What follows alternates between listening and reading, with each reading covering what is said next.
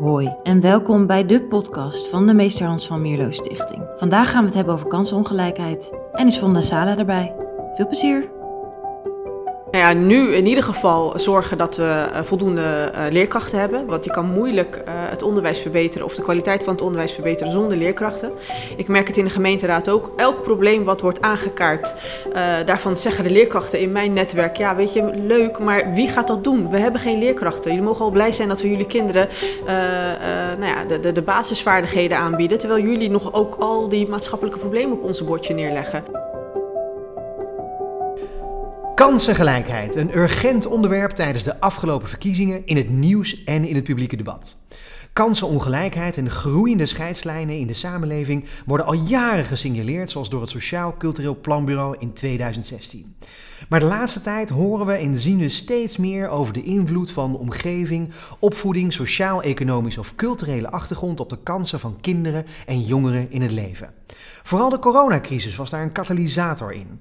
Zo stelt de Sociaal-Economische Raad dat thuisonderwijs kansenongelijkheid niet alleen heeft blootgelegd, maar ook heeft verergerd.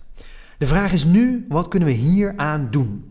Wat moet er vanuit de landelijke politiek gebeuren om deze kansenongelijkheid aan te pakken? En wat kan er lokaal gedaan worden om ervoor te zorgen dat kinderen zich maximaal kunnen ontwikkelen? Hierover gaan we vandaag in gesprek met Fonda Sala, die zowel landelijk als lokaal zich inzet in de politiek. Zij is gemeenteraadslid voor D66 in Den Haag, waar ze de portefeuilles onderwijs en jeugdzorg voor haar rekening neemt. En ook staat ze op plek 27 op de Tweede Kamerlijst van D66. Ja, je bent dus nog kandidaat, maar we weten niet precies wanneer we dit gaan uitzenden. Het zou maar zo kunnen zijn dat je erin bent geschoven dat je dan ineens echt Kamerlid bent, Fonda. Ja, dat zou zomaar kunnen. Welkom, ja, heel goed. Hey, en ik doe dat niet alleen vandaag met jou praten, Fonda. Ik doe dat samen met uh, mijn co-host, Ga je gang, Hoba Gul. Hallo, ik ben Hoba Gul, International ja. Officer voor D66. Interna wat doet een International Officer? Ja, we doen twee dingen. Aan de ene kant uh, onderhouden we de relaties met de zusterpartijen binnen Europa, maar ook buiten Europa. Moet je denken aan Midden-Oosten, Noord-Afrika, maar ook uh, landen van Oostelijk Partnerschap. Overal eigenlijk wereldwijd. En aan de andere kant helpen we ook deze zusterpartijen vooruit. Oké, en hoe dan? Wat, uh... Nou, er is natuurlijk heel veel kennis binnen D66 over bijvoorbeeld campagnes voeren, um, uh, programma's in elkaar zetten. En wanneer zusterpartijen trainingen nodig hebben, yeah. of uh, weet je, iets nodig hebben van, oh, jullie hebben een mooi wetsvoorstel hierover ingediend. Kunnen jullie daar wat meer over praten of vertellen, zodat zij dat ook kunnen doen? Dan zorg ik ervoor dat ze bij de juiste mensen komen. Heel goed, ja, heel goed, dankjewel. Mooi. hey, terug naar Fonda, want um, ja, de, de, de kansengelijkheid. Hè? We hebben eigenlijk een paar aspecten waar we aan kunnen denken. Uh, laten we eerst eens kijken naar het landelijke aspect. Uh, kansenongelijkheid, wat is dat volgens jou? Ja, kansenongelijkheid is dan eigenlijk dat uh, um, wie je bent, waar je bent geboren, um, te veel invloed heeft op, de, op jouw kansen voor de toekomst. Wat is te veel?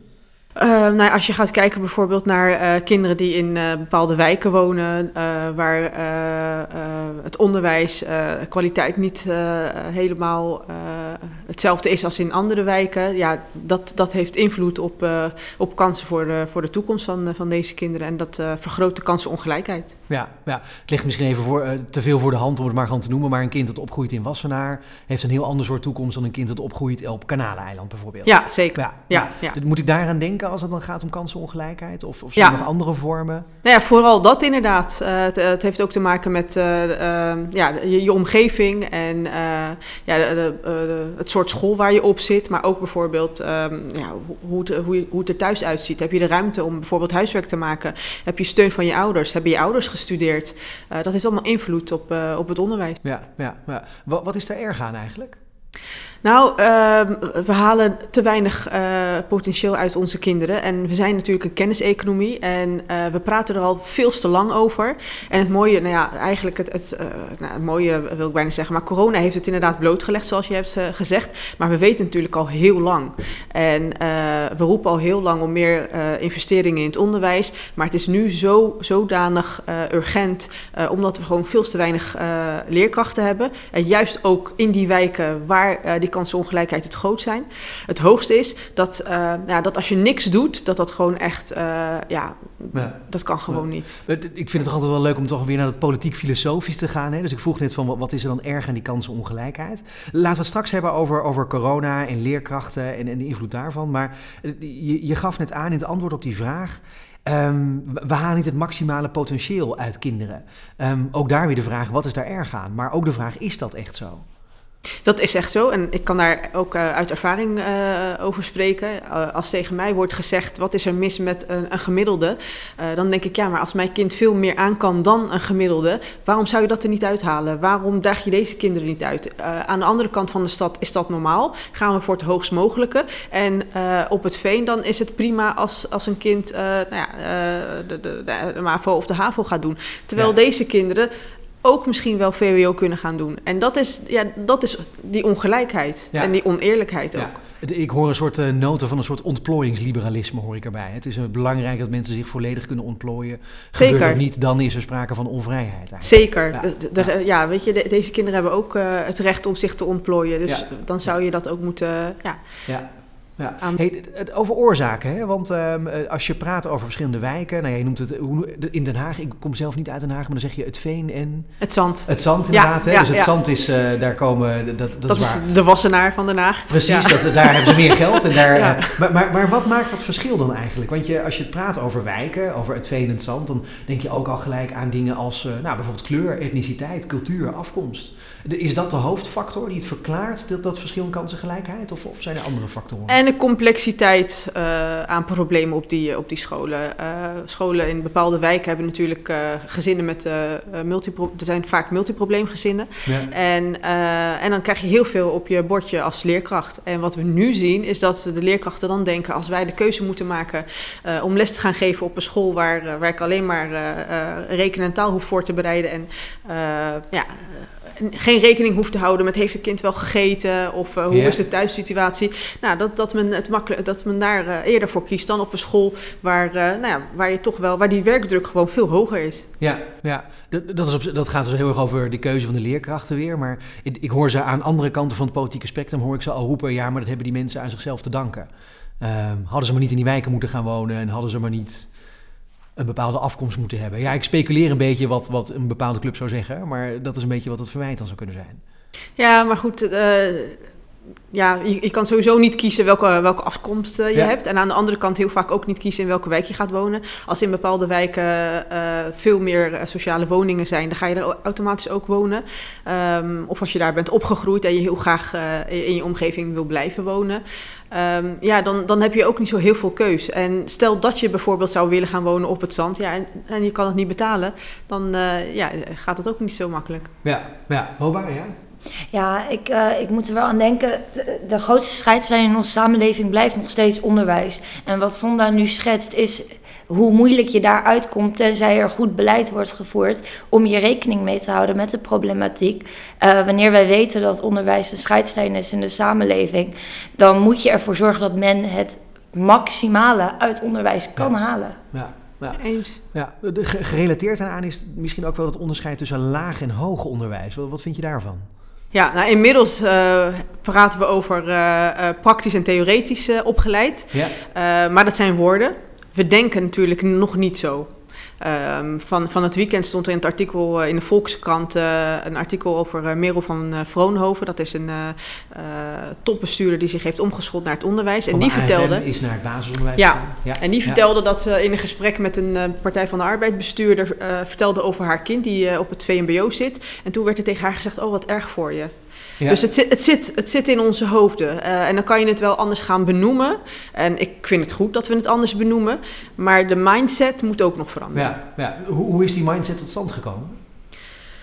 Ja, we willen toch eigenlijk wel allemaal dat onze kinderen arts en uh, uh, advocaat uh, worden. En het liefst niet met hun handen gaan werken. Ja. Want ja, dan ben je toch wel de middenklasse. En kan je niet zo makkelijk in een dure auto rijden en vijf keer op vakantie.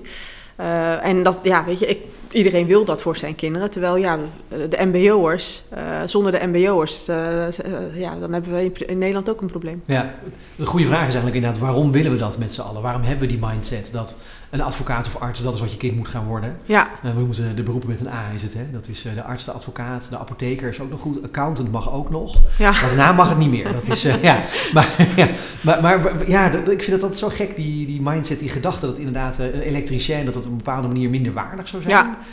Ver, verklaar eens. Ja, ik bedoel, je bent er tegen, dus, maar waar komt die mindset vandaan? Ja, het is wat ik net al uh, schetste. Het is toch heel gek dat dat toch ook bij de mensen die zelf hoog opgeleid zijn, dat die gewoon ook heel graag willen dat hun kinderen uh, um, financieel uh, geen zorgen ja. hebben. Terwijl dat niet eens zo hoeft te zijn. Um, en waar dat vandaan komt, dat, ja, dat, dat, dat is al een tijdje zo. En dan probeer je inderdaad via de politiek bijvoorbeeld te zeggen, nou ja, MBO's zijn, dat, die noemen we ook studenten. we hebben het niet over laag of hoog, want daar zit het hem al in.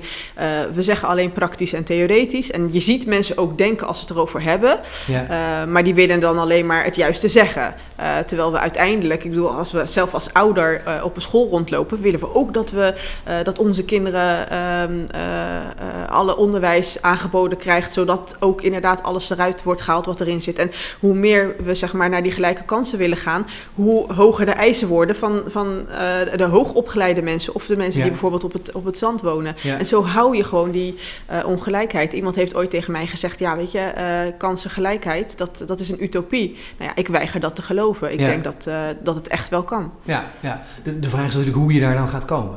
Ja, Wat, wat zijn volgens jou landelijke oplossingen om dat eh, te, te verwezenlijken? nou ja, nu in ieder geval zorgen dat we uh, voldoende uh, leerkrachten hebben. Want je kan moeilijk het onderwijs verbeteren of de kwaliteit van het onderwijs verbeteren zonder leerkrachten. Mhm. Ik merk het in de gemeenteraad ook. Elk probleem wat wordt aangekaart, daarvan zeggen de leerkrachten in mijn netwerk: ja, weet je, leuk, maar wie gaat dat doen? We hebben geen leerkrachten. Jullie mogen al blij zijn dat we jullie kinderen uh, uh, nou ja, de, de, de basisvaardigheden aanbieden, terwijl jullie nog ook al die maatschappelijke problemen op onze bordje neerleggen. Ik denk dat, dat, uh, dat, dat we daar moeten starten en dat Ja. moet nou ja, de politiek Maar dat opgelost betekent worden. dus meer budget om meer leerkrachten op te leiden en leerkrachten meer te betalen. In zowel Ja. basis als middelbaar onderwijs. Dus gewoon geld vrijmaken. Daar, ja, idee. daar moeten we inderdaad mee beginnen. Uh, we moeten het, het beroep aantrekkelijk maken, we moeten de leerkrachten beter betalen en we moeten de leerkrachten trainen. Ja, wat is het doel van die meer leerkrachten dan? Want je gaf net ook aan dat dat onderscheid tussen laag en hoog opgeleid, ehm, dat, dat je dat eigenlijk een raar onderscheid vindt. En nou, wat terecht wat mij betreft. Maar, maar is, moet het doel van die leerkrachten dan worden om zoveel mogelijk kinderen hoog op te leiden? Of om dan meer kinderen een hoge CITO-score te halen, zodat er meer kinderen naar het VWO kunnen? Nou, wat, wat je nu ziet, omdat we uh, te weinig leerkrachten hebben, dat de klassen te groot zijn. Ja. Uh, dus je ziet gewoon sommige kinderen letterlijk niet. Want je bent zo bezig met, uh, met de zorgkinderen dat de kinderen die gemiddeld zijn en, en ook aandacht nodig hebben, dat die gewoon over het hoofd worden gezien. Je zou kleinere klassen kunnen krijgen met veel meer leerkrachten. En je zou ook ruimte hebben bijvoorbeeld om de zorg in kaart te brengen. Als je kleinere klassen hebt of je hebt twee leerkrachten per klas, dan kan je als leerkracht de zorg in kaart brengen en uh, tijdens schooltijd of na schooltijd Ja. uh, ervoor zorgen dat dat kind die ergens mee uh, zit. Dus, dus dan zeg je kleinere klachten, eh, klei- sorry, kleinere klassen, meer individuele aandacht per kind en Ja. dus passender onderwijs of Ja, passender maatwerk. zorg tegelijk. Zeker, Maatwerk, ja. Maar als ik het goed begrijp, ehm, je, je doel is dus niet dat er dan meer kinderen naar het VWO gaan uiteindelijk.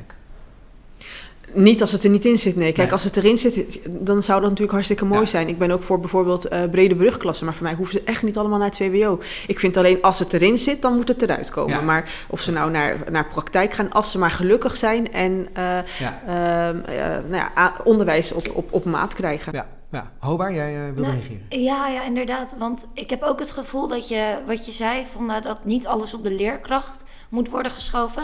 Ik denk dat, je, dat een school er ook heel veel aan heeft om wat, eh, wat andere krachten ook binnen die school te hebben. En dan denk ik aan bijvoorbeeld een psycholoog wellicht of een eh, sociaal hulpverlener die dan ook kan helpen met eh nee, de zorgkinderen, zoals je het noemde. Zodat dat dan ook weer van de leerkracht weg wordt geschoven. Dat zij echt alleen met onderwijs bezig kunnen zijn. Ja, eh, oh, je hebt het over zorgteams eventueel. Ja. eh, wat, eh, wat, eh, ja, ja, wat nu al gebeurt is eh pas het onderwijs. Ja. Eh, als een kind bijvoorbeeld eh, iets nodig heeft, dan zou je dat als school in kunnen kopen. Ehm, maar goed, dan moet je als leerkracht wel de tijd en de ruimte hebben om dit te bespreken, om dit te signaleren. Ze moeten ontzettend veel documenteren. Je moet het allemaal aanvragen. Je moet zo'n kind nog een keer toetsen. En dat, kost gewoon tijd. En dat kost gewoon eh, heel veel eh, moeite ook. Ehm, en wat je ook ziet is dat op sommige scholen heel vaak al wordt gedacht van, nou ja, bij bepaalde problemen, van nou ja, weet je, eh, 90% van de school heeft dit probleem. Dus daar gaan we niks aan doen. We, we, we halen de excessen eruit. Terwijl die 90%, als je daar iets mee doet, preventief, dan voorkom je later andere problemen. Hoe kan je ervoor zorgen dat de school eh, het toch zou doen, ondanks al deze drempels? Nou, we hebben samenwerkingsverbanden in principe, ehm, maar dat werkt nog niet helemaal. Eh, we, hebben, eh, we hebben een tijd geleden hebben pas het onderwijs eh, ingevoerd. En daar, naar de geluiden gaan dat het eigenlijk een soort van mislukt is. Eh, dus je zou eigenlijk als school moeten gaan kijken wie is jouw doelgroep, wat heb je nodig. En de ene school die heeft baat bij een logopedist, omdat sommige kinderen taal, taalontwikkelachterstanden hebben. En een andere school heeft misschien inderdaad baat bij een psycholoog die af en toe een kind uit de klas haalt, of een schoolmaatschappelijk werker. Maar dat is maatwerk. En die zou eigenlijk, dat moet je aan de scholen laten. Van wat hebben jullie nodig? Hier is, er, hier is budget. En we moeten natuurlijk ook wel mensen hebben die het kunnen doen. eh, om, om alle kinderen eh, de juiste zorg aan te bieden. Wat, wat maakt dat het is mislukt? Ehm, nou ja, scholen hebben, er, ja, die hebben dit- op hun bordje gekregen. Dus je moet nu als directeur en als IB'er moet je in- ineens van alles en nog wat gaan regelen. IB'er is. Eh, interne begeleider, Ja. eh, die gaat over de, zorg, eh, de zorgleerlingen. Ehm, en die, die is weer afhankelijk van de leerkracht. En eh, als de druk al heel hoog is en je, eh, je, je hebt bijvoorbeeld geen leerkracht of er is veel ziekteverzuim, ja, dan krijg je die zorg niet eh, eh, eh, op papier. Eh, en dan kan je het niet aanvragen. En dan heb je ook nog eens verschillende budgetten. Wat, wat is mijn budget en wat kan ik aanvragen? En dan heb je ook nog een samenwerkingsverband die bijvoorbeeld bepaalde arrangementen nog niet heel goed in kaart heeft gebracht. Dus dat gaat nog niet heel goed. Eh, De wil is er. Het, eh, er wordt gezegd, nou ja, in, in theorie dat het kan, maar in praktijk werkt het niet. Ja, nou. Ja, ga je gang. Je, staat te popelen, dus ja. ja. nog één Ja. laatste. Maar ik vind het zo interessant, want wat je zegt is, het beleid is er. Er is hierover nagedacht eh, hoe maatwerk eruit zou moeten zien. Ehm, en de, de, de, de middelen zijn er. Maar we gaan toch weer terug naar eh, het lerarentekort. Want als er genoeg leraren wa- eh, waren, dan was dit gewoon doorgevoerd en zou dit kunnen ontwikkelen. Maar dat kan dus niet door die druk op scholen. En, en laat ik, laat ik eh, vooropstellen dat niet alle scholen hiermee te maken hebben. hè. Er zijn ook scholen, ook in achterstandswijken, die het helemaal op orde hebben. Die, eh, zodra er een vacature is, dat, dat ze die gewoon vervuld krijgen. Eh, excellente scholen hebben we en die inderdaad gewoon de zorg wel helemaal in beeld hebben. Maar die hebben daarin geïnvesteerd. Die hebben alle subsidiepotjes die er bestaan, hebben ze aangeschreven. En, die hebben daarin, en daarvan denk ik dan, kijk naar die scholen en ga dat ook doen. En ga samenwerken, ga bij elkaar kijken. Eh, deel de kennis die je hebt en zorg ervoor dat alle kinderen daarvan profiteren. Want het kan wel, alleen over het algemeen eh, is het beeld dat het, eh, dat het mislukt is. Is, is een ander probleem in wat landelijk speelt natuurlijk, maar ook denk ik lokaal in het onderwijs ook niet dat ouders misschien eh, een iets te veel vrije schoolkeuze hebben. Een bekend fenomeen wat vaak eh, in de rechtse media belachelijk wordt gemaakt, is eh, van de hoogopgeleide blanke D66-stemmer die eh, gerust in een, multiculturele wijk gaat wonen, maar dan zijn kinderen wel op een school ergens anders doet. Ja. Want daar zitten ze met hun eigen soort mensen. Dat is toch een beetje een soort stereotype wat wel heerst. Ja. Is dat ook niet een probleem? Ja, ideaal zou natuurlijk zijn dat je gewoon gemengde scholen hebt. Ja. Ik bedoel, eh, ik weet toen ik opgroeide, toen zat ik op een gemengde school en dan leer je inderdaad ook gewoon van je medeleerlingen. Ehm, maar dat zie je nu steeds minder. En wat je zegt, in sommige wijken eh, fietsen ouders gewoon echt een paar kilometer de wijk uit. Met de bakfiets. Met de Ja. bakfiets om inderdaad naar een witte school te gaan. Waarom? Omdat ze weten dat op die andere school gewoon te veel zorg is en te weinig leerkrachten. En eh, ehm, dat het toch makkelijker is om naar een andere school te gaan. Ja. Eh, ja, weet je, en wat de boer niet kent, dat lust hij heel vaak ook niet. Hè? Eh, Nee. Daar zit hem denk ik ook in. Maar mag je daar als overheid iets aan doen? Landelijk of lokaal? Nou, we zijn natuurlijk voor vrijheid van onderwijs. Uh, en je zou... Ja, dat was de volgende vraag. Zijn ja, we steeds voor vrijheid van onderwijs? Ja. Maar ja. Ja, nou ja, in, in, principe ben ik wel voor vrijheid van onderwijs. Uh, maar je zou kunnen kijken met bijvoorbeeld pilots. We hebben bijvoorbeeld in Den Haag hebben we in de rivierenbuurt wel een, een school uh, waar ouders zelf het initiatief hebben genomen om te gaan mengen. En dat is daar een succes. Maar je kan het niet afdwingen. En we hebben gewoon veel verschillende soorten scholen in bepaalde wijken. En de ene school die heeft 300 leerlingen en de andere school heeft er 100. Uh, ja, uh, en dan denk, denk ik af en toe dat kan veel beter. Um, als er een school is met bijvoorbeeld een, een, wachtlijst, ja, zorg er dan voor dat, dat je die wachtlijst uh, stuurt naar een ander stukje wijk. Want dan zit je wel op dezelfde school, ja. dezelfde methode, maar net in een andere wijk. En, um, en op een gegeven moment gaat dat wennen. Ja, maar je kan het uh, op dit moment nog niet afdwingen. Kun je het niet afdwingen. Nee. Het is, uh, nee. Je zegt op dit moment, heb je ja. dan een plannetje op, uh, op het oog? Nou ja, ik denk dat als, hoe meer pilots we hebben, hoe meer je laat zien dat het kan. Ja. En, en dan zou je kunnen sturen. Ja, ja, ja. De vraag is natuurlijk hoe liberaal het is als de overheid gaat sturen daarin. En inderdaad met die vraag van vrijheid van onderwijs, of je dat wil. Maar je, je, zou dus kunnen sturen, lichtelijk. Ja, soms, soms is het zo urgent dat je zou moeten kunnen sturen. Ik bedoel, ja. uh, de, we doen het nu ook bijvoorbeeld als gemeente dat, dat er op bepaalde gebieden ook wordt gestuurd. Uh, met subsidies bijvoorbeeld. Maar dat, en dan zou je kunnen kijken van, nou ja, het werkt. Uh, en dan zou je daarna niet meer hoeven sturen, want dan ja, komen die aanvragen vanzelf. Het idee is dan, dan doorbreek je die vicieuze cirkel. Hè? Ja. Dat, dat zichzelf versterkend selectie-effect, dat doorbreek je dan. En dan vanaf dat moment kun je het weer loslaten. Ja, dat, dat denk ik wel. Dan is ja. het inderdaad wel vrije keuze, maar omdat je al hebt bewezen dat het gewoon werkt. Ja, ja, nog even over die vrijheid van onderwijs dan. Want je zegt inderdaad, nou, we zijn natuurlijk voor vrijheid van onderwijs. Maar ja, dat was 1917 dat we daar met elkaar ruzie over gemaakt hebben. En dat we hebben gezegd, dat moet op deze manier. Is het ondertussen niet tijd om dat een keertje uh, op poten te zetten en uh, om te keren? Nou, ik denk dat het wel goed is om, om uh, vrijheid van onderwijs te bewaren. dat de ouders wel zelf moeten kiezen voor wat voor scholen, wat voor onderwijs ze willen voor hun kinderen. maar ja, natuurlijk is de discussie nu wel, moeten we niet, het hele onderwijsstelsel is onder ogen, nou, eens even op een andere manier gaan bekijken. En wat kan beter en wat niet. En je hebt natuurlijk altijd wel bepaalde dingetjes waarvan je denkt, ja, dat, dat, daar kunnen we niet aan tornen. Ja. Um, maar uh, ik, ja, deze discussie is natuurlijk al heel lang gaande. Ja. En ook... ja, ik vraag natuurlijk omdat ook uh, onderwijs op religieuze grond bijvoorbeeld, en dat hoort bij die vrijheid van onderwijs, kan nogal bijdragen. Iets als intolerantie. Dat zijn natuurlijk incidenten waar we de afgelopen jaren vaak voorbeelden van hebben gezien. Uh, dat kwam nog niet alleen uit de islamitische hoek, maar er zijn ook bijvoorbeeld streng christelijke hoeken en wat andere hoeken zijn er ook. Waarin gewoon dingen gebeuren en waarin leraren dingen leren aan kinderen die in een democratie eigenlijk gewoon niet door de beugel kunnen. Dingen over homoseksualiteit, dingen over gelijkheid tussen man en vrouw, uh, die ze dus miskennen. Um, ja. En dat, dat, dat kan nu allemaal onder, de, onder het mom van ja. vrijheid van onderwijs. Ja, ja nee, ik, ik denk dat, dat je dat sowieso niet moet uh, laten toestaan. Ondanks dat het vrijheid van onderwijs is.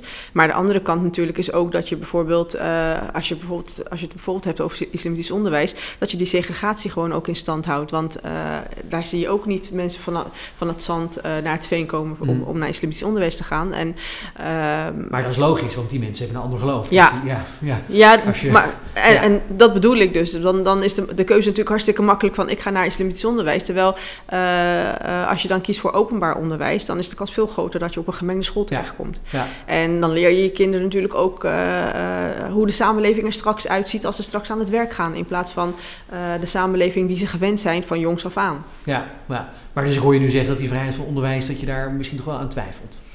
Ja, ik, ik heb zelf ook uh, natuurlijk gekozen voor uh, openbaar onderwijs en niet voor niets. Uh, juist omdat ik vind dat, dat het gewoon echt invloed heeft op de rest van je leven. En dat je zo vroeg mogelijk moet beginnen met je kinderen gewoon een, nou ja, een, een, veel breder beeld moet geven van, van de samenleving. En als je dan vasthoudt aan, ja, aan, aan die vrije keuze, dan kan dat af en toe inderdaad wel negatieve effecten ja, hebben. Maar als bijna Tweede Kamerlid, of misschien terwijl het wordt uitgezonden al Kamerlid, zeg je dan, ik wil daar ook echt wel uh, stappen in maken, politiek?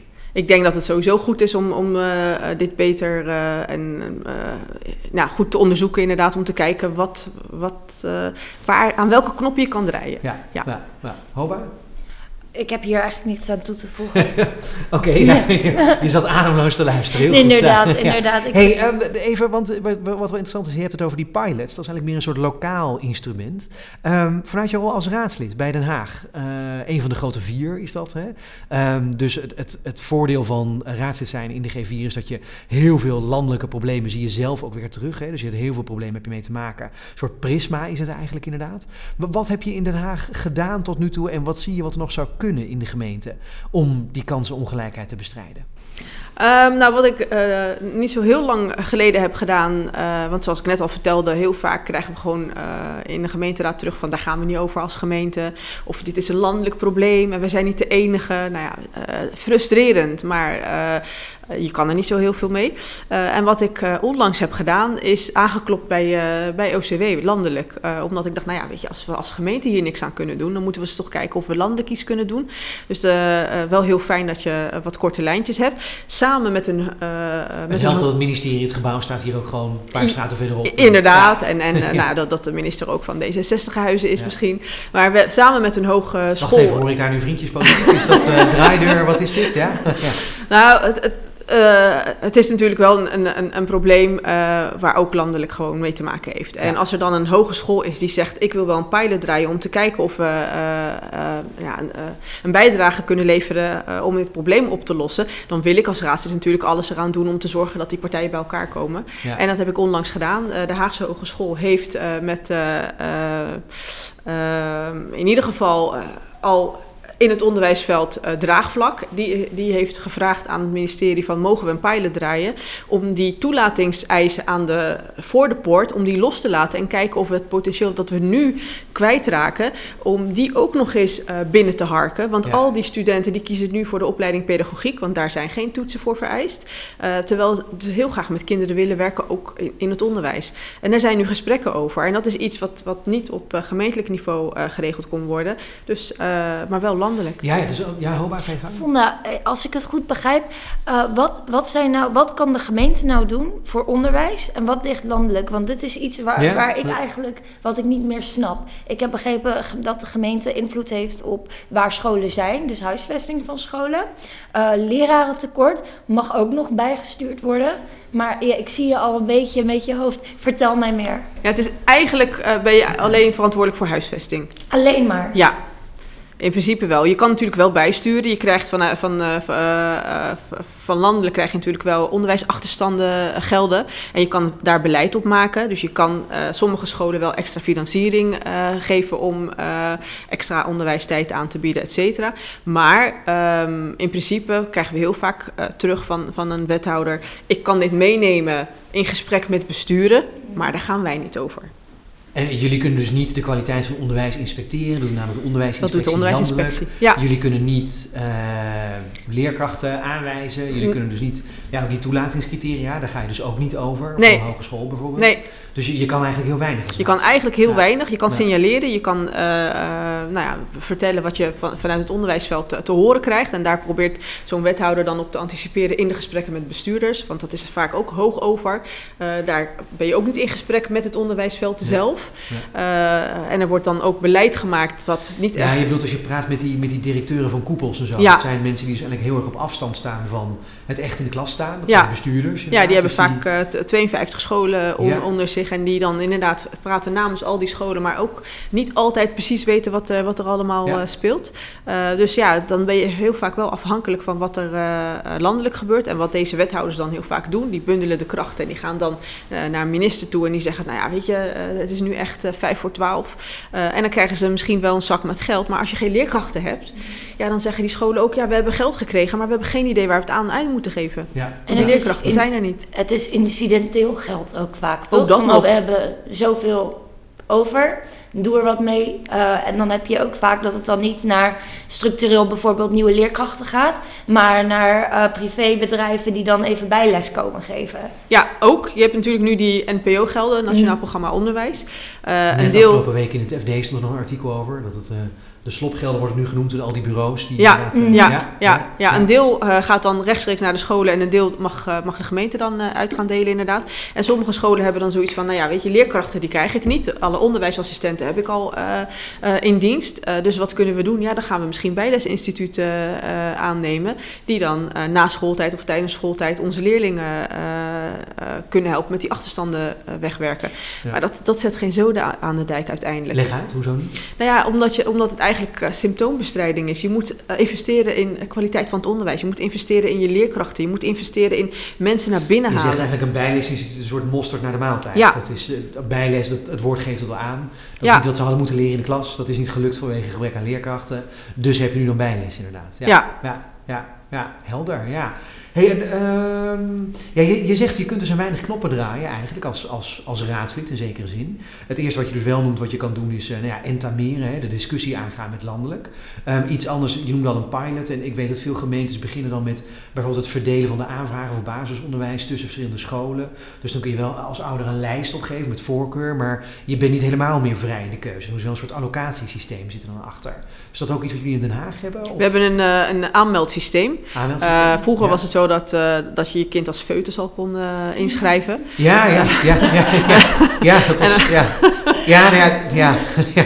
Ik hoor gerucht uit Amsterdam dat sommige ouders nog voordat ze überhaupt zwanger zijn al gaan Ja, kijken, nou ja, dat waar gaan we inschrijven. Ja, nou, zo, zo, uh, zo erg kan het zijn. worden in 2022 geboren, dus uh, ja. schrijven ze alvast in. Ja, ja. ja en we hebben, we hebben in Den Haag een, een, een aanmeldsysteem, zowel voor uh, primair onderwijs als voortgezet onderwijs.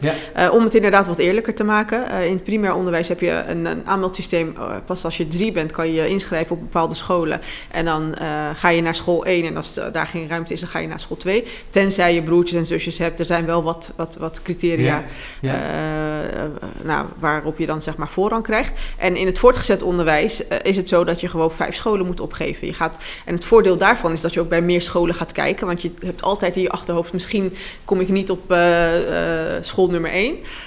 Wat ook weer je perspectief verbreedt. je gaat niet standaard naar de school waar je, waar je buurman naartoe Ja. gaat of de rest Ja. van de wijk. Ja. Um, en nou ja, 90% komt vaak wel op de school van voorkeur. Um, en de rest die moet dan opnieuw in, inschrijven bij school nummer 2 of school nummer 3. Dus dat, dat wordt wel heel erg. Nou, er wordt getracht om dat zo eerlijk mogelijk te doen. En, dat, dat systeem wordt dan door de besturen van de scholen zelf eh, ge- gerund of doet de gemeente dat? Um, volgens mij uh, het primair onderwijs de gemeente. En voor het voortgezet onderwijs is daar een, een, de BOVO uh, in het leven Ja. geroepen. Dat Ja. is uh, basisonderwijs, voortgezet onderwijs. Daar zit ook een soort van klein bestuurtje. En ja, daar zitten wel ook besturen in natuurlijk. Ja. Ja. Die, uh, die er al zijn. Eh, nog een andere knop waar je aan kan draaien als, als, eh, als raadslid is eh, woningen. Want er wordt heel vaak gepraat over dat eh, onze leraren en onze verplegers en onze agenten Ja. eh, kunnen nergens meer wonen. Ja, Nou ja, daar kun je ook aan draaien als raadslid. Je kunt zorgen dat leerkrachten goedkopere woningen Ja, krijgen. in zeker. Ehm, die discussie is natuurlijk eh, in Den Haag heel vaak gevoerd. Van eh, ja, logisch dat we geen leerkrachten hebben, want ze hebben geen woningen. Eh, en dan krijg ik van sommige leerkrachten te horen: ja, dat is onzin. Want eh, ik ken genoeg mensen die in Katwijk wonen en die in Den Haag eh, werken of graag naar Den Haag komen. Het hoeft niet per se. Ehm, wat wij toen eh, als eh, Haagse fractie hebben gedaan, we hebben een motie ingediend om in ieder geval die woonwensen in kaart te brengen. Wat zijn Ja. nou de woonwensen van de leerkrachten en de studenten in Den Haag? Hebben we echt meer woningen nodig? Ondertussen staat natuurlijk in het collegeakkoord al dat we voor de leerkrachten, de politieagenten en de zorgmedewerkers een bepaald percentage woningen vrij willen houden. Maar dan krijg ik weer signalen vanuit het onderwijs dat het, dat het in een bepaalde wijk is, wat niet heel aantrekkelijk is voor alle leerkrachten. Ja, of vrije Ja. sectorwoningen, nou die zijn bijna 1000 euro. Een starter verdient, geen, eh, ja. Ja. die verdient niet genoeg om 1000 euro aan de huur te betalen. Wat, wat betekent dan woningen beschikbaar maken voor leerkrachten? Want het, wat ik dan voor me zie is dat de gemeente gewoon heel veel panden opkoopt en zegt ga hier maar wonen. Maar dat is er dus niet. Ja, een, een bepaald percentage woningen inderdaad beschikbaar stelt voor, Ja. voor leerkrachten. Ja. Eh, nou ja, het zijn inderdaad het zijn eh, een aantal woningen eh, beschikbaar stellen voor die drie sectoren. En dan is het nog maar de vraag hoeveel leerkrachten daar eh, dan Ja. een beroep op kunnen doen. Maar ik vind het wel interessant wat je zegt, dat heel veel leerkrachten dus zeggen ik woon in Katwijk. Ik vind het wel prima om lekker op en neer te reizen. Ik kan mijn hoofd even leegmaken en dan... Ja. Zeker. Ik thuis als ik Ja. thuis kom. Dat is, eh, ja. Ja, niet, niet alle leerkrachten willen in de wijk eh, wonen waar ze ook werken. Dus Ja. eh, het, het- ja, de randgemeente, daar kan je ook wel leerkrachten hebben die heel graag in Den Haag wonen. Ja. En daarnaast moeten we natuurlijk de wijken wel zo aantrekkelijk maken dat leerkrachten er willen werken. Want van, de zomer stond er een artikel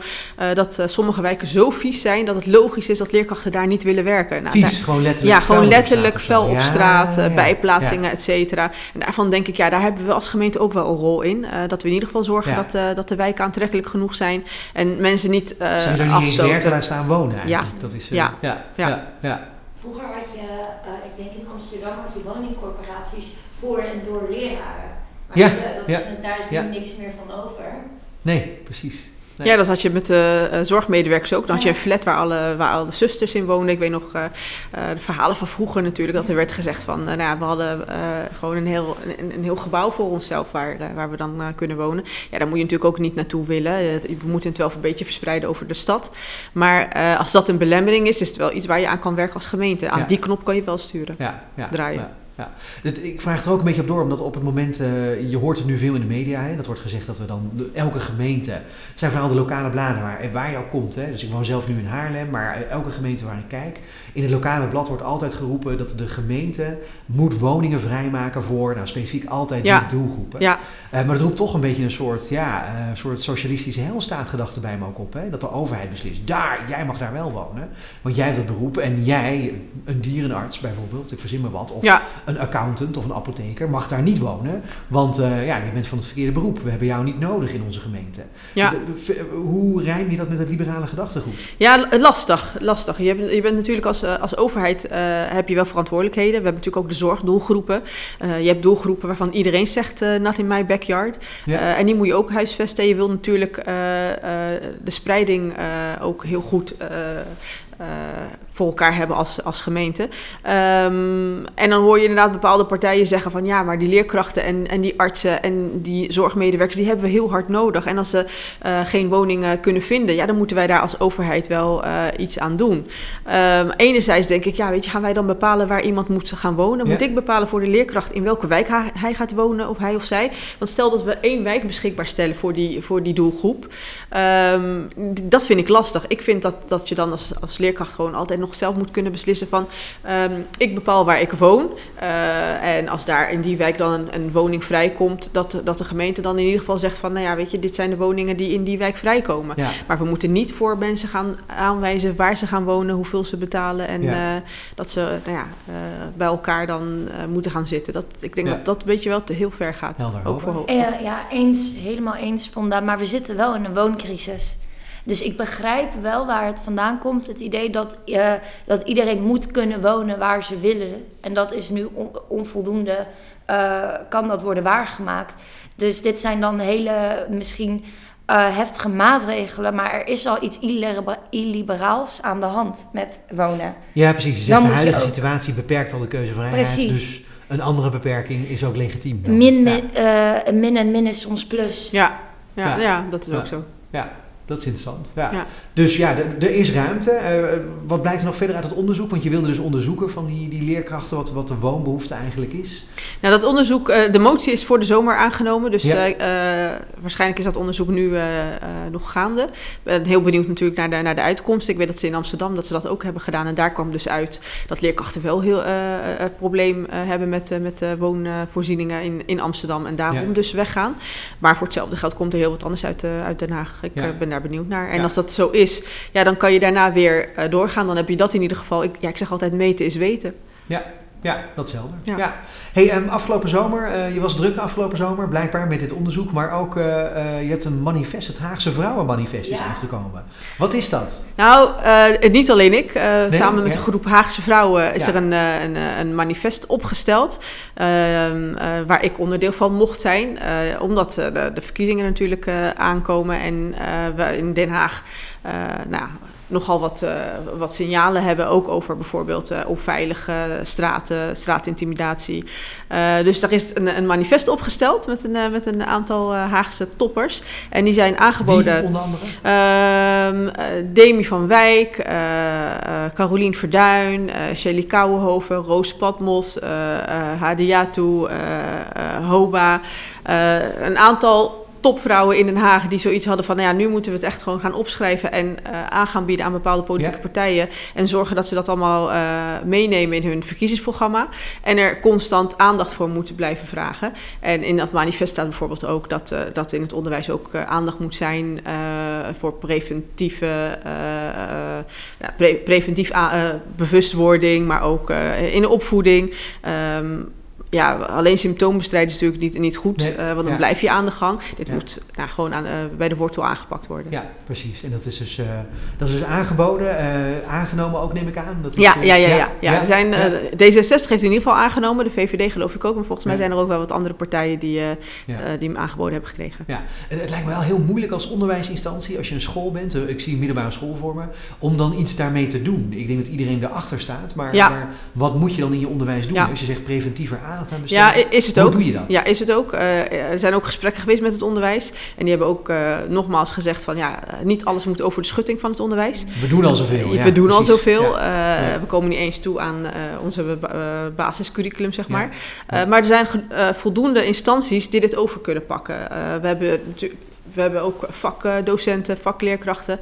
En uh, wat wij uh, dan uh, willen is bijvoorbeeld dat zo'n school die trainingen inkoopt. Ja. Zo geef je ook de leerkracht een beetje rust. Dan kan iemand anders die les overnemen. Die ja, is erin gespecialiseerd. Ja, komt op veel scholen. Heeft ook wel voorbeelden. Want ik kan me voorstellen dat als je een leerkracht in, in groep 6 of 7 vraagt om iets te gaan vertellen over straatintimidatie en er zelf nooit mee te maken heeft gehad, dat het lastig is om met die kinderen zo'n les voor te bereiden.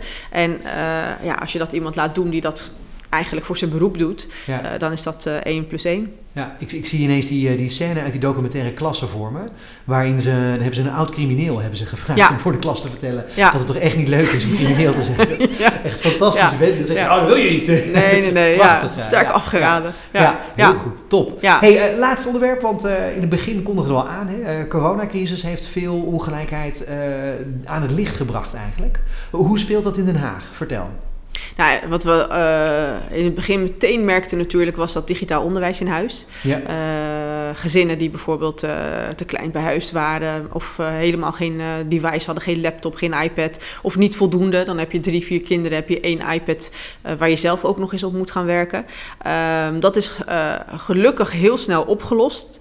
Uh, maar er zijn ook scholen die zoiets hadden van... ja, wij hebben zoveel um, uh, kinderen die een, een, een, iPad nodig hebben... of we hebben ouders die uh, digitaal niet vaardig genoeg zijn. Dus wij gaan gewoon over op papier. We gaan gewoon ja. pakketjes uitdelen. Um, dus ja, dat kwam inderdaad allemaal... De leerkracht kreeg ineens um, uh, uh, ook te zien hoe iemand uh, thuis is. Ja. En die kreeg ja. gewoon ook wel zicht ja, achter de schermen, letterlijk.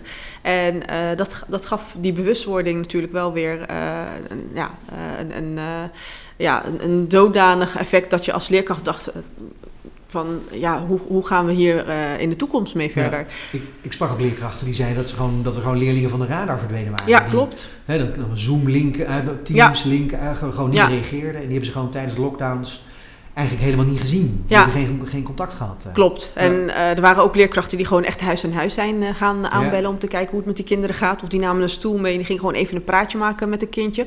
Maar je had ook bijvoorbeeld leerlingen die bijvoorbeeld uit Bulgarije of Polen komen. En de ouders hadden hier geen werk, dus die zijn gewoon even een tijdje teruggegaan naar het land van herkomst. Ja, ja en die waren dan ook uit beeld.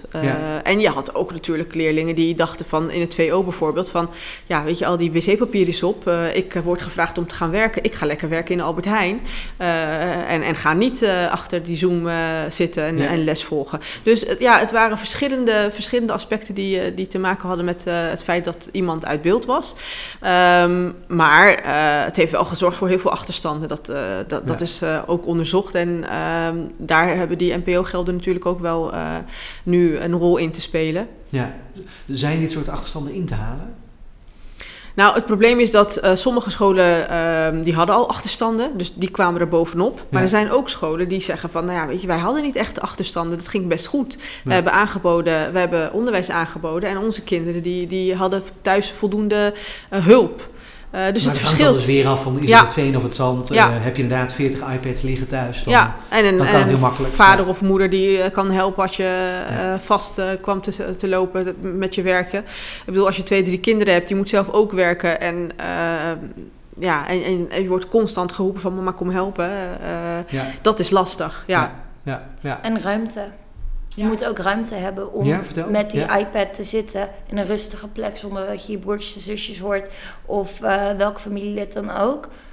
En daar te concentreren. En school is ook wel ruimte waar je even weg kan zijn van een situatie en kan focussen. Ja, ja, dat was eh, die column van Danka Stoker uit de Volkskrant, geloof ik inderdaad. Hè? Huisarts ook met huiselijk geweld bezig. Ja. Die zei dat het eh, aantal gevallen van Ja. huiselijk geweld jegens kinderen eh, ongelooflijk, maar dat het vier keer zo groot is of vijf keer zo groot is, geloof ik, tijdens Ja. de hele lockdownperiode. Dus Ja. is, eh, Ja, inderdaad. Ja. eh, psychisch was natuurlijk ook, was het ook geen pretje.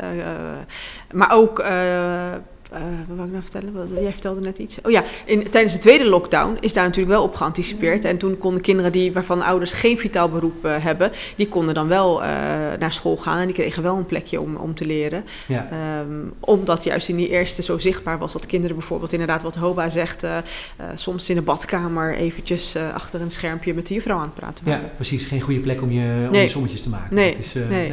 ja. Rustte Ja. daar dan een stigma op? Vandaar, ik weet dat niet. Als je dan eh, in die tweede lockdown toch naar school kwam, dat iedereen weet van, oh, die kan het thuis niet. Nee, ik denk, ja, ik denk dat ouders daar wel eh, opgelucht over waren. Dat de Ja. kinderen naar school eh, ku- kunnen gaan. Want heel vaak heb je in, die, in dat soort gevallen ook meteen hulp bij je werk. En nou, dat scheelt voor ouders ook natuurlijk. Eh, vooral als je ook nog hele kleine kinderen hebt thuis eh, eh, rondlopen van 1, 2, 3... die, die eh, constant eh, gaan bemoeien met, eh, met, met die schermpjes. Ja, dan ben je als ouder denk ik wel opgelucht dat, dat de school dat aanbiedt. Ik, eh, ik heb in ieder geval geen ouders gezien die zoiets hadden van... nee, mijn kind blijft gewoon thuis, eh thuis onderwijs. Nou, eh, gelukkig maar. Ja, dat is heel goed. Nou, mooi. ja. hey, kan, kan de overheid wel genoeg daarin doen? Of is, eh, moet de overheid daar nog meer in doen? Ja, zeker. De overheid eh, kan daar zeker wel iets in betekenen. Ik bedoel, als je gaat kijken naar de afgelopen paar jaar, ehm, eh, je kan best sturen op waar je, in, eh, waar je op investeert. Ja. We hebben het nu over het lerarentekort, over de werkdruk, over verzuimcijfers. Ik bedoel, dan moeten we gaan kijken waarom. Waarom is die werkdruk zo hoog? Waarom zijn die verzuimcijfers zo hoog? En waarom willen leerkrachten niet meer werken in bepaalde wijken of op bepaalde scholen? En dat moeten we op gaan lossen. En dat, ja, weet je, daar, daar, daar, daar heb je toch echt wel geld voor nodig, heel vaak. Heel goed. Dat is een goede boodschap om mee af te sluiten. Fonda Sana, dankjewel. Heel graag Top dat je er gedaan. was. Dankjewel. En dan naar het slotstuk van de uitzending, namelijk de sociaal-liberaal van dit moment. Ga je gang, Hoba. Ja, het? ja, spanning stijgt Ja. hoor. Maar eh, sociaal-liberaal van het moment, eh, dan wil ik eigenlijk eh Njeri Kababeri noemen. En uh, Njeri is de oud-directeur van Greenpeace Africa. Uh, dus zij heeft in Afrika uh, regionaal heel veel mooie bewustzijncampagnes gevoerd om um, actieve burgerschap te bevorderen met het klimaat. Uh, maar ook uh, een stukje klimaatrechtvaardigheid. Want wat ik heel sociaal-liberaal aan haar vind, is dat zij dus niet alleen hè, de strijd uh, tegen klimaatverandering voert, maar dat zij ook eist dat wij moeten denken aan klimaatrechtvaardigheid. Wie wordt het meest geraakt? Uh, ongelijke behandeling voor gelijke uitkomsten. Denk ik dan ook meteen aan kansengelijkheid. Er komt een mooi, nou misschien is dat al uitgekomen, een interview met Nigeri in de idee van uh, de klimaateditie. Allemaal lezen. Ja. Ja. En uh, dan ben ik benieuwd of jullie het met mij eens zijn. Oké, okay, dat is. Ik wou inderdaad vragen waarom nu dan specifiek, maar dat komt dus weg het interview wat in de idee staat. Precies, dus, uh, ja, precies. Ja. Hey, en nee, nee, je raakt al aan waarom je haar dan echt sociaal-liberaal vindt. Want het gaat dus echt om kansengelijkheid en de hele klimaatcrisis maakt heel duidelijk wel wereldwijd mm. op bepaalde groepen meer impact dan op bepaalde andere groepen. Um, vertel daar nog eens wat meer over, over wat, wat in het interview wat zij daarover vertelt. Nou, zij uh, zegt heel terecht, geeft zij aan Ehm, wanneer je kijkt mondiaal naar wie de vervuilers zijn, dan zal dat niet komen uit de regio waar zij actief is. Ja. Dan eh, heb je uh, geïndustrialiseerde pardon, uh, landen die gebruik hebben gemaakt van deze kans om dus de welvaart te bevorderen. En landen die dat niet hebben gedaan. Ja. Die, dus zij noemt een heel mooi voorbeeld. Je hebt hier mensen in Kenia, komt zij dan vandaan, die niet weten wat klimaatverandering is überhaupt. Daar is geen taal voor nog. Um, die er niet aan hebben bijgedragen, want zij zijn niet aan het overconsumeren zoals wij dat doen. Ja. Uh, maar die er wel op een gegeven moment voor moeten gaan betalen. Want de droogte, de, klimaat, de effecten van klimaatverandering, die gaan echt heel erg voelbaar zijn voor een boer dicht bij Nairobi. Um, het, ze zullen voelbaar zijn voor ons ook. Want daar hebben ze de branden, daar hebben ze de hitte, de droogte. Daar hebben ze de droogte, daar oogsten. kunnen, ja. ja. daar kunnen ze niet meer oogsten. Daar Ja. zullen ze, ze, heeft, ze schetst een mooi voorbeeld. Ook, um, nou, je hebt een boer en hij kan niet meer oogsten. Zijn, zijn land uh, kan hij gewoon niet meer redden. Dus hij moet naar Nairobi toe om daar te werken. Dan komt hij in een sloppenwijk terecht. Ja. Nou, daar zijn de voorzieningen ook slecht. Luchtvervuiling is de grootste uh, reden van, uh, oorzaak van dood voor kinderen eh, in de regio. Nou, op een gegeven moment kan hij niet verder in die sloppenwijken in Nairobi. Wat gaat hij dan doen? Dan heeft hij twee keuzes. Dan gaat hij of naar Dubai en daar wordt, uh, gaat hij werken. Daar wordt zijn paspoort afgenomen. Gewoon en daar slaaf wordt dan Ja, letterlijk, dat Ja. gaat er met hem Ja. gebeuren. Of hij denkt, oké, dan ga ik maar naar Europa, want daar is het dan niet zo erg. Ja. En dan verdrinkt hij in de Middellandse Zee. Ja. Dus wat wij hier doen en hoe wij consumeren, dat heeft echt wezenlijk effect op hoe mensen daar leven. Ja. En is dat rechtvaardig? Nee. En moeten we dan van hen verwachten dat zij het meest dragen, wanneer zij ook het leed het meest dragen, uh, relatief gezien? Nou, dat is een politieke discussie. En ik, ben, ik vind het Ja. mooi dat zij, dat zij dat in Nederland, met onze editie in de idee, dat ze dat opbrengt. Dankjewel, Nigeri Kawabiri, Ja. Greenpeace Africa is het. eh. Yes. Dankjewel, Hoba Gul. En dankjewel nogmaals, eh, Fonda Sala. Dat was het voor vandaag. Dank je.